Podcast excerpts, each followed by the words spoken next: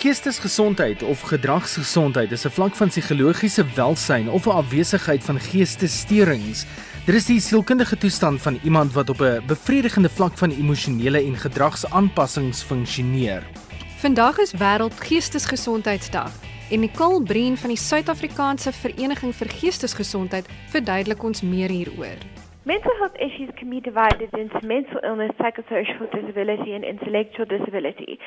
A mental illness refers to experiences that a person has in terms of feelings and emotion outside of the normal range caused by a chemical imbalance in the brain.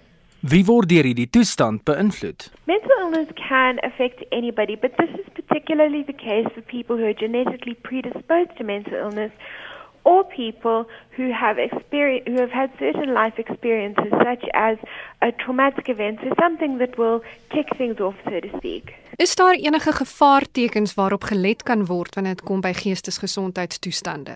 Well, yes, there, there definitely are. Um, these um, are the onset of these illnesses. So, for example, if somebody is depressed, you would have them losing interest in things they might have previously enjoyed, um, wanting to eat too much or too little, differences in sleeping patterns, um, the person feeling sad or lost, you know, and this obviously differs from mental illness to mental illness. Um, mm. You know, in something like bipolar disorder, you might mm. find the person becoming more erratic, having symptoms of mania where they have a lot of energy, followed by symptoms of depression and vice versa. Is dit moontlik vir mense met 'n geestesgesondheidstoestand om te herstel? Definitely. Um, many people with mental illness do recover and live very fulfilling lives with stable family relationships, stable employment relationships, etc. Um, it's a matter of finding what works for you. You know, the correct balance of um, treatment, the correct treatment regime, um, can lead to very good outcomes for people with mental illness. Now, treatment will vary from person to person. Um, you might have um, medication, you might have talk therapy, so psychotherapy. Um, some people visit mm. traditional healers. You know, different things work for different people. By watter projekte is die Vereniging vir Geestesgesondheid betrokke? Um, well, the South African Federation for Mental Health is involved in a spectrum of different projects and programs. So, um, advocacy and development, awareness and information, and some research. Um, we um, are presently um, involved in a campaign for Mental Health Awareness Month, which runs in the month of October.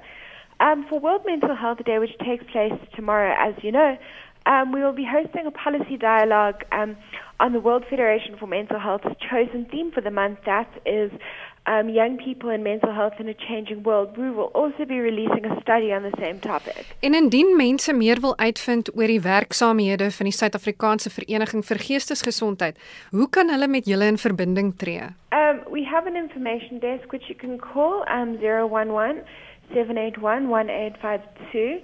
Um, our Twitter handle is at SAFMH, and you can find us on Facebook at the South African Federation for Mental Health. Um, for more information, you can access our website www.safmh.org.za.